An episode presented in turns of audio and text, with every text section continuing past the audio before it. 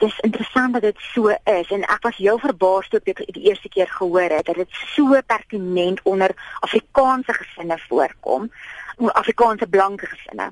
Baie keer in die in die ander ehm um, rasse in Suid-Afrika sal dit wees dat die man die vrou vermoor, maar hy sal nie noodwendig die kinders ook doodmaak nie. Soos gesinsmoord, dis 'n 'n baie Afrikaanse fenomeen. Hoekom dit plaasvind? Ek dink ja, daar's seker verskeie faktore en daar's nie 'n maklike antwoord nie, maar ek dink die een groot ding is is dat Suid-Afrikaanse en Afrikaanse mans veral baie geneig is om hulle identiteit te bou om die werk wat hulle doen om vir jou gesin te kan voorsien, om die gesin te kan versorg. En ek dink in tye dan waar dit ekonomies baie swaar gaan, waar werkloosheid en dat werksekerheid nie meer aanvaarde deel is van die samelewing nie en waar die vrouens baie keer moet inspring en self werk en waar vrouens baie keer die broodwinner raak. Ek dink vir vir Afrikaanse mans is die geneigtheid dat dit baie moeilik is vir hulle omdat hulle identiteit juis gebou is om 'n versorger te wees. Tydens die apartheidjare is Afrikaner mans baie beskerm. Dink jy dit speel nou 'n rol juis omdat hulle tot 'n mate ontmagtig is en dat dit dalk tot 'n toename in hierdie gevalle lei? Ja, nee, ek ek dink dit is definitief 'n faktor. Ek dink dit is die enigste faktor, nie nou seker baie bydraende goed, maar ek dink as jy weet waar die man die broodwinner was, waar ma by die huis gebly het en die kinders gekyk het en die man is die ou wat versorg, hy is een wat werk toe gaan en die feit dat dinge soos regstellende aksie en daai goed wat ingebring is om 'n meer om 'n meer gelykheid te bring.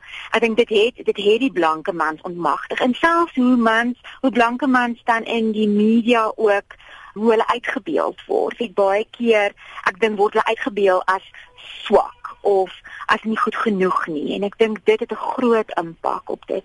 sien julle 'n toename in mans wat kom aanklop vir hulp juis oor hierdie probleem?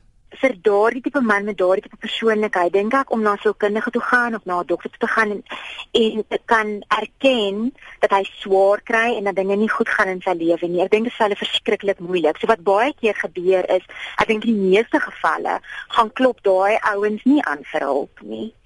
So die, ek dink dit is dalk belangrik dat daar strukture in plek moet wees in ons samelewing wat wat hierdie ouens kan opvang maar oor die algemeen sal hulle nie noodwendig uit hulle eie uit na sielkundige toe gaan vir berading nie. So, so ek dink dit dit dra by tot die hoë frekwensie van hierdie tipe gebeure. Maar is hulp redelik beskikbaar en is dit goedkoop of bly dit maar duur om na 'n sielkundige toe te gaan? Ja, kyk ek dink sielkundige hulp oor die algemeen is duur. Baie mense gebruik maar die mediese fonds of weet of hulle fonds wat hulle het op die mediese fonds, maar, maar daar is daar is klinieke, daar is ander maniere om hulp te kry wat baie goedkoper is. Meeste van die staatshospitale het sielkundige afdelings, die meeste van die klinieke het sielkundiges en goeie sielkundiges. Jy weet, so dit dit is opsies wat mense nie altyd aan dink nie of altyd oorweeg nie. Baie van sulke aanvalle kom ook uit wraak uit. Ja, en ek dink dit hang seker nou maar af van geval tot geval presies wat gebeur, maar ek dink ook in 'n situasie waar jou gesin en jou vrou deel is van wat jy bereik het in die lewe. En as daar dan iets gebeur, byvoorbeeld daar is 'n buiteegtelike verhouding of weet enige so tipe iets wat dan die man eintlik direk aanval en om te sê dat jy is nie goed genoeg nie. Ek dink dis baie keer waar dan daai tipe uitreagerende gedrag gebeur. Ek sê ek dink dit dit, dit dit verskil mag van geval tot geval. Watter waarskuwingstekens is daar?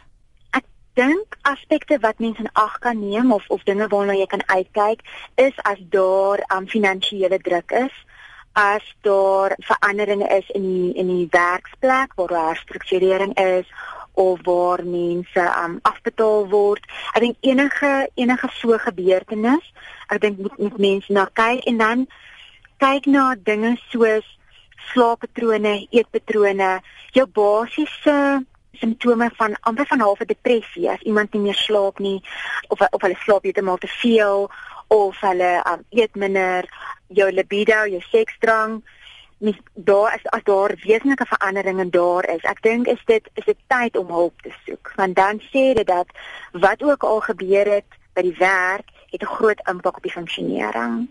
En dan dinge ook soos waar daar oormatige beheer is, waar ek is die ou wat die finansies beheer, jy het geen insig in die finansies nie. Weet waar daar daai tipe patrone in die verhouding is, dink ek dit maak hulle meer kwesbaar.